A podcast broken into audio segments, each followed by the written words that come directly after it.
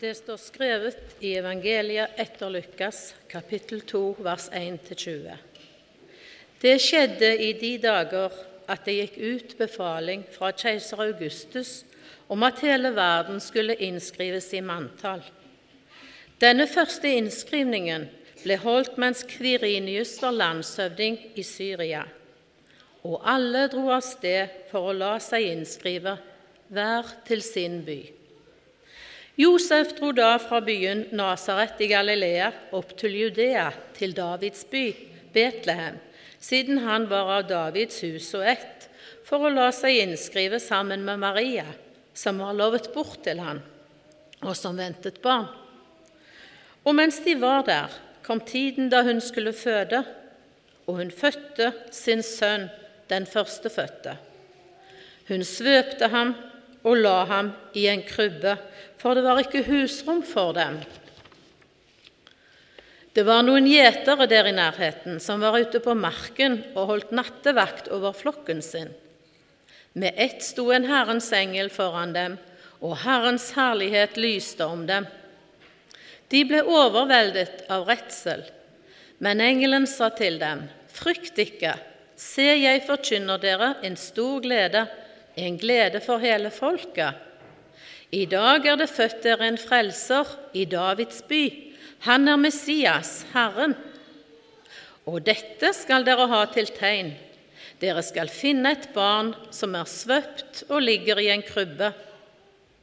Med ett var engelen omgitt av en himmelsk hærskare som lovpriste Gud og sang.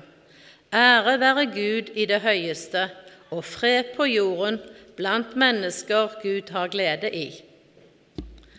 Da englene hadde forlatt dem og vendt tilbake til himmelen, sa gjeterne til hverandre, La oss gå inn til Betlehem for å se dette som har hendt, og som Herren har kunngjort for oss. Og de skyndte seg av sted og fant Maria og Josef og det lille barnet som lå i krybben. Da de fikk se ham, fortalte de alt som var blitt sagt dem om dette barnet. Alle som hørte på, undret seg over det gjeterne fortalte. Men Maria tok vare på alt som ble sagt, og grunnet på det i sitt hjerte. Gjeterne dro tilbake. De lovet og priste Gud for alt de hadde hørt og sett. Alt var slik som det var sagt dem. Slik lyder det hellige evangeliet.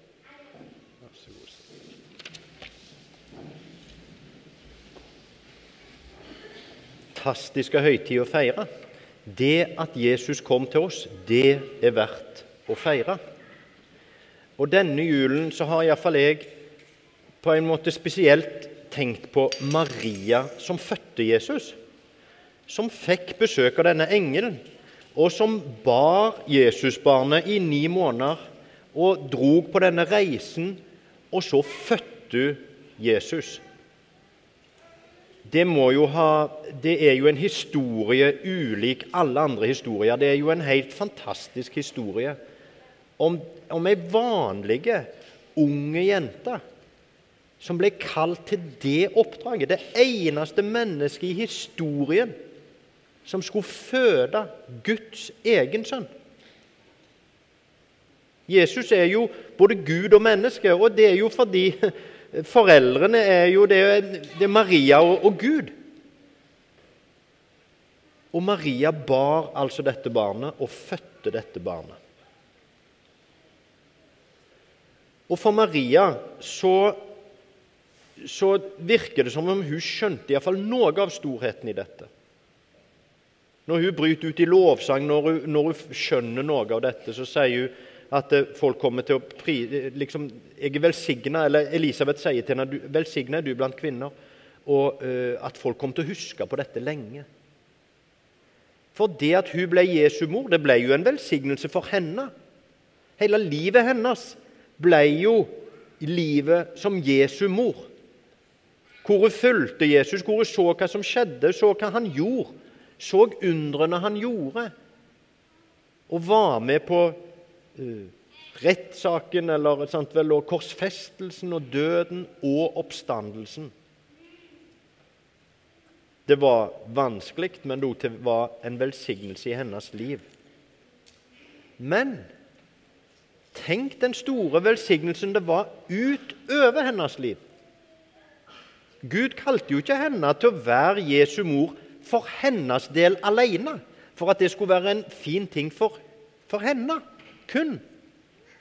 Det, jo, det, jo, det ble jo til velsignelse for, for kloden, altså for menneskeheten som i dag, 2000 år etterpå, fortsatt feirer sant vel, hvor mange, En milliard og to mennesker som feirer dette fortsatt.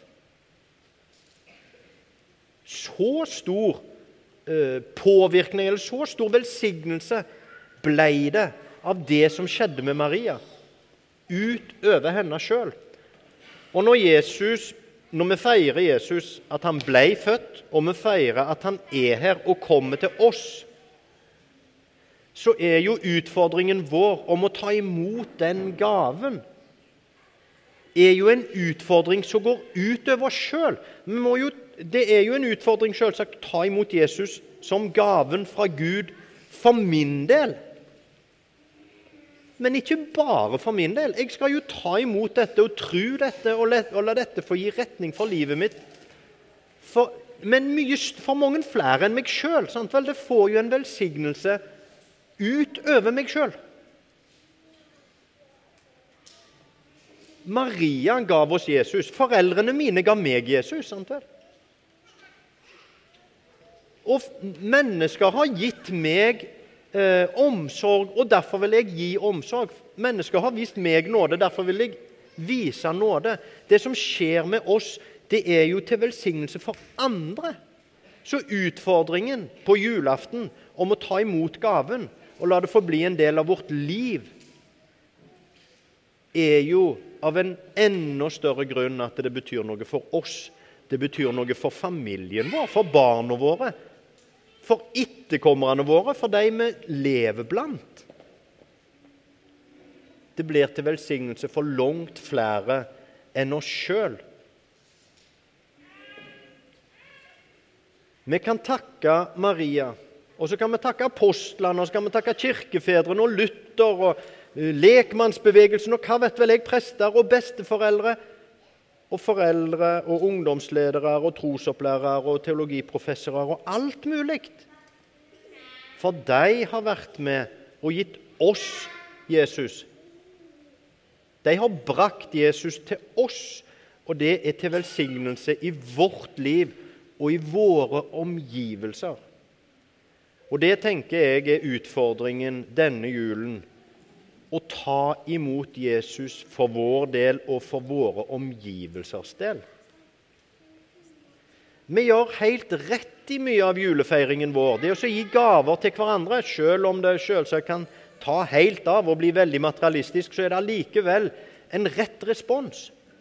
Vi har fått en gave, og vi skal minnes den med å sette pris på hverandre med å gi til hverandre, med å dele med hverandre. Det er rett at vi sender julekort og knytter og holder liksom ved like vennskapsbånd med fjerne og nære. Det er rett at vi har fri, og at vi samles med familie, vi spiser god mat, og vi, vi knytter familiebåndene sterkere. Det er en rett måte å feire at han kom. Og det er en rett måte når skolen har omvendt julekalender eller sånn adventskalender, hvor de gir istedenfor å få. Og hvor vi samler inn til godhet og deler ut matkasser i julen, og vi gir i Frelsesarmeens julegryte. Og vi tenker spesielt på de som feirer jul alene for første gang fordi de har mista noen i det året som gikk. Eller vi ber og viser omsorg for de som vi vet ikke gleder seg til jul. De tingene er en rett måte å feire at han kom til oss. Han kom til oss, de svake, de små. Og han kom for å forvandle oss, sånn at vi skulle bli til velsignelse.